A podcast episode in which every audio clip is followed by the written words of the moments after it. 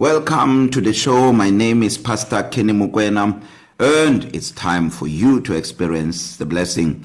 Let's start the conversation today with a word of prayer. Father, thank you so much for your presence. You said in your word, where two or three are gathered in your name, you are there in their midst. I believe right now, Lord God, that you are with us. I pray that you help us to understand the mysteries of your word in the name of Jesus Christ. Amen and amen. So we are continuing with our conversation. We started a conversation a few weeks ago about the partnership or the connection between Holy Communion and tithe. The partnership or the connection between the Holy Communion and the tithe. And man, this message just exploded so much in my spirit. Um, God has given me a revelation of this, and um, I try by all means to teach it with simplicity and with understanding. But we will all do well to not approach this from a carnal point of view. Um, we'll have to go deeper into revelation for us to be able to unveil the mystery of this because God chose to keep it a mystery. And I know exactly why God keep it a mystery. Um, one of the things that God has done here, which many people are arguing from, is to also put the tithe and make it plain in under the law. And when he did that, it was it was an emphasis.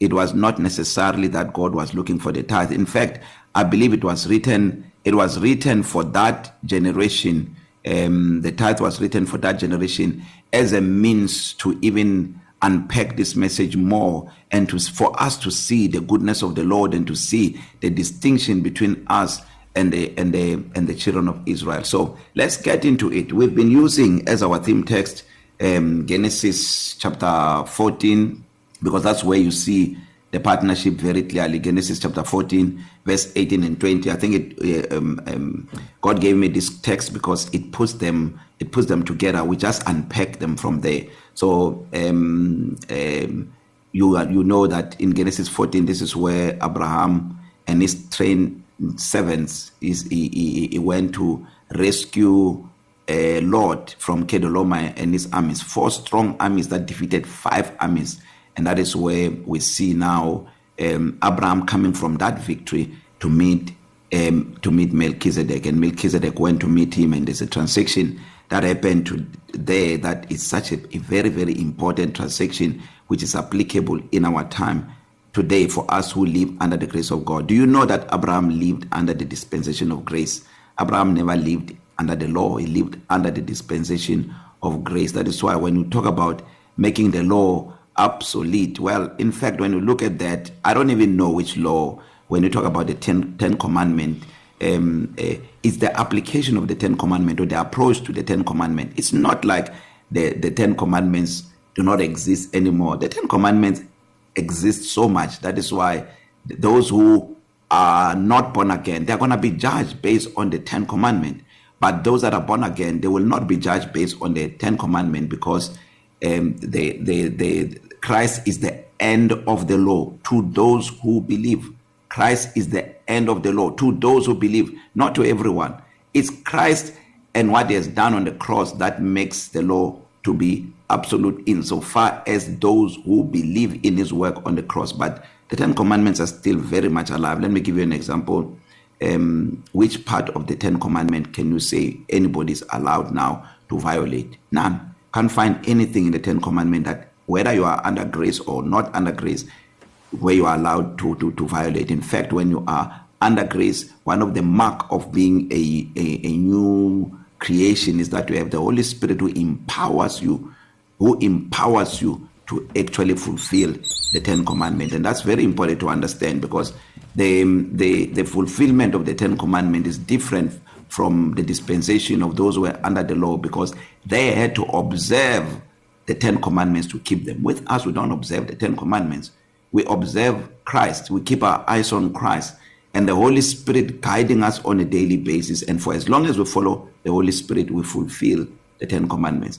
The breaking of the Ten Commandments only happen when we ignore the leading of the Holy Spirit. That's why Romans 18 14 says, As many as received him, to them he gave the right to become the children of God. So let's look at Abraham here. The Bible says to see this partnership because we're talking about the mystery of the Holy Communion and the tithe, or the partnership or the connection between the Holy Communion and the tithe. It says, Then Melchizedek came, king of Salem, brought out bread and wine. So you see, the king of Salem, that means king of peace. That's Jesus. Then Melchizedek, king of Salem, brought out bread and wine. He was the priest of God Most High. And he blessed him and said, Blessed be Abraham of God Most High, possessor of heaven and earth. And blessed be God Most High, who has delivered your enemies into your hand. And he gave him a tithe of all. So we see this partnership here Melchizedek come with bread and wine, but Abraham come with the tithe. And that completes the salvation package because for salvation to happen, one must we must believe that Jesus Christ rose from the dead, and for him to rise from the dead, he must have died. So that's why Melchizedek was coming with the Holy Communion, proclaiming the death according to 1 Corinthians 11, chapter 26, because the Bible says that when you give the tithe, or no, when you partake of the Holy Communion, you proclaim the Lord's death till, till, till he comes. And we spoke about what that means, that That word to proclaim is the Greek word katagelo, which means to celebrate. So you celebrate the death of Christ until he comes. And then Abraham gave him a tithe. So we see that connection and the mystery that was been left a mystery is the tithe. You need to unpack the scriptures by revelation to understand what that is. So when you look at Hebrews 11 verse Hebrews 11 verse no no Hebrews 7 verse 8 it says that Here on earth, mortal men give tithes, but there, when Abraham gave the tithe to Melchizedek, he received them of whom it is witnessed that he lives. Now, now, do you see this partnership? So, according to Hebrews 7, verse 8, it says that when Abraham gave the tithe, it was the testimony that he lives. Who is he? Christ. That was speaking of the resurrection of Christ. So, we see the salvation package being completed right there when when when um, Melchizedek come with bread and wine, he was proclaiming that Christ died. But it was the first leg of the salvation package. When Abraham came with the tithe, he was proclaiming that Christ lives, and that means Christ has resurrected. Because for him to live, it means that he has risen from the dead. I know this was in the this was way before Jesus Christ died. That is why we see this. We can interpret this by our understanding now of the New Testament and what happened, especially Romans 10, verse 9. If you confess with your mouth the Lord Jesus and believe in your heart that God raised him from the dead, you shall be saved. Look at it. It doesn't say if you confess with your mouth the Lord Jesus and believe that he died on the cross, you shall be saved. There are so many people who only believe that he died on the cross, but they never believe that he was raised from the dead and their and their salvation some of them you will see that by the way they live they are respond they are still so bound by the Babylonian system and they can't break through from it because their God is money. They can't use money to serve God because they were never saved in the same place. And if you are never saved in the same place, you have no means except to live by your own toiling. You are like an, a, a picture or a type of Adam. But for you to break free from the Babylonian system, you must believe that Christ is alive. And if you believe that Christ is alive, you believe that He is so real in your life, He becomes your provider, is the one that You know, the Bible in the book of Philippians 4:19 says, Our God shall supply all our needs according to his riches in glory by Jesus Christ. Underline that by Jesus Christ. It's not by the one who died, it's the one who has risen. And there's a difference between the one who died and the one who has risen. The one who died carried the body of a human being but the one who rose from the dead did not have a body of a human being. He was carrying a body that only God could have given him. That's why with that body could come into the house with the doors and windows shut. That is the master we're talking about. That is the one that Melchizedek, no, no, no, Abraham was proclaiming that he lives. So I want to show you one mystery quickly and we're going to continue with it also in the next episode. So in the book of Luke chapter 17 we see something very important there. I want us to combine this with what happened actually with with uh, with Abel when he gave the firstborn. So there were there were 10 lepers. Underline number 10 because number 10 is the totality of the tithe. That's why you see also Jesus in the book of Luke chapter 15 he talks about a man who has 10 silver coins and he loses one and the Bible says he searches carefully underline that he searches carefully for the one because that one is Christ. He searches carefully. What is he looking for? Revelation. How do we know he's looking for revelation? The Bible says that before he searches he lights a lamp The lighting of the lamp speaks of illumination. So here we see a man was illuminated and he saw something what other people did not see. So the 10 lepers, they say, they see Jesus and say, Master, have mercy on us. And Jesus says to them, um, uh, so actually they were saying, um, um, uh, they shouted to him and said, Master, have mercy on us and heal us. And Jesus said to them, Go and show yourself to the priest as a testimony of your healing to them. The Bible says that as they went, they were cleansed while they were walking. In fact, when you read this, I want to pick it up from verse 14 in the in the Passion Translation. It says, When Jesus stopped to look at them, he spoke these words Go to be examined by the Jewish priest. This is what Jesus said in the original manuscript. This is what he said Go to be examined by the Jewish priest. So these people understood that to be examined by the Jewish priest, it meant that they needed to have been healed, but they were not healed at that time. And then the Bible says they set off and they were healed while walking along the way. This is how faith works. They were healed while walking along the way. So these people knew that they needed to be examined of their healing, even though they looked at their bodies and they were still not healed. But something very important happened in verse 15. I'm continuing uh, to read from the Passion Translation, Luke, Luke chapter 17, from the uh, verse 15 from the Passion Translation. It says, One of them, a Samaritan, when he discovered that he was completely healed, turned back to find Jesus, shouting out joyous praises and glorifying God.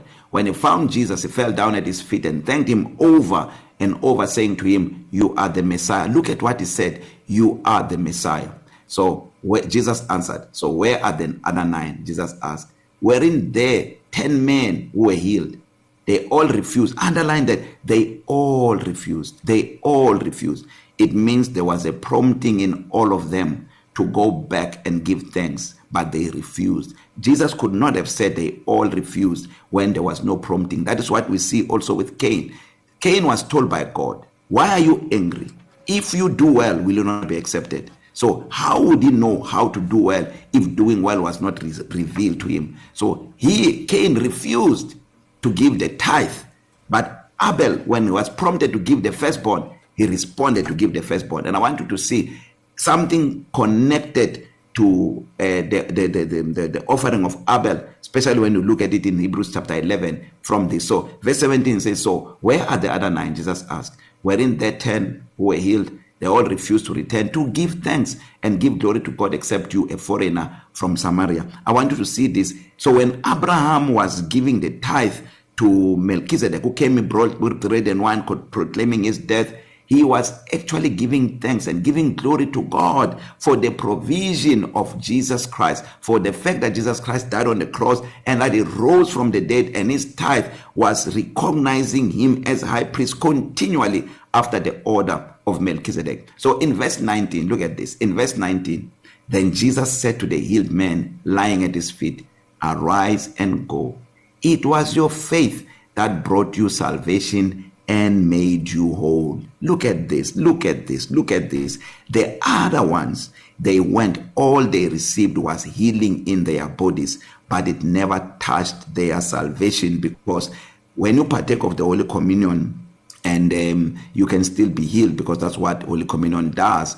It speaks of the death of Christ. One of the things that this death has facilitated that were appropriate is this is his stripes that provided and facilitated our our healing but the complete wholeness and, sal- and salvation come from his resurrection according to Romans 10 verse 9 so here it says it was your it was your faith that brought you salvation and made you whole. This is exactly what we also see when it comes to Abel. The bible in the book of Hebrews 11 verse 4 concerning Abel it says by faith. Look at this man here. It says it was your faith the Samaritan it was your faith that brought you salvation. To Abel the bible says that by faith Hebrews 11 verse 4 by faith Abel gave a more acceptable sacrifice than his brother Cain. And then the bible says that by that offering that offering gave testimony that he was righteous. When you read this from the message from the new living translation it says that there is offering gave evidence that he was a righteous man. So look at this here. There we have two people here. One the Samar the Samaritan who at the time of Jesus he returns to recognize the Melchizedek priesthood. The other ones are going to recognize the Levitical priesthood. This one come to recognize this Melchizedek priesthood. And there when this man came and call him you are the messiah you need to understand the totality of the messiah to get a deeper revelation of this. But what I'm saying, I'm saying to you, for everything that God does to you, you must know He does it through Jesus Christ. And when you give your tithe, you are recognizing, you are recognizing and glorifying God. You are recognizing Christ as alive. You are recognizing and thanking God for the provision of His Son that facilitated our salvation. And most importantly, you give glory to God. So, and you find wholeness. That's why to the man he said it was your faith that brought you salvation and made you whole. I have run out of time once again, so thank you so much for tuning in. I want to give you an opportunity to make Jesus the Lord of your life. Just open your heart and make this prayer with me. Say, Lord Jesus, I receive you now as my Lord and my Savior.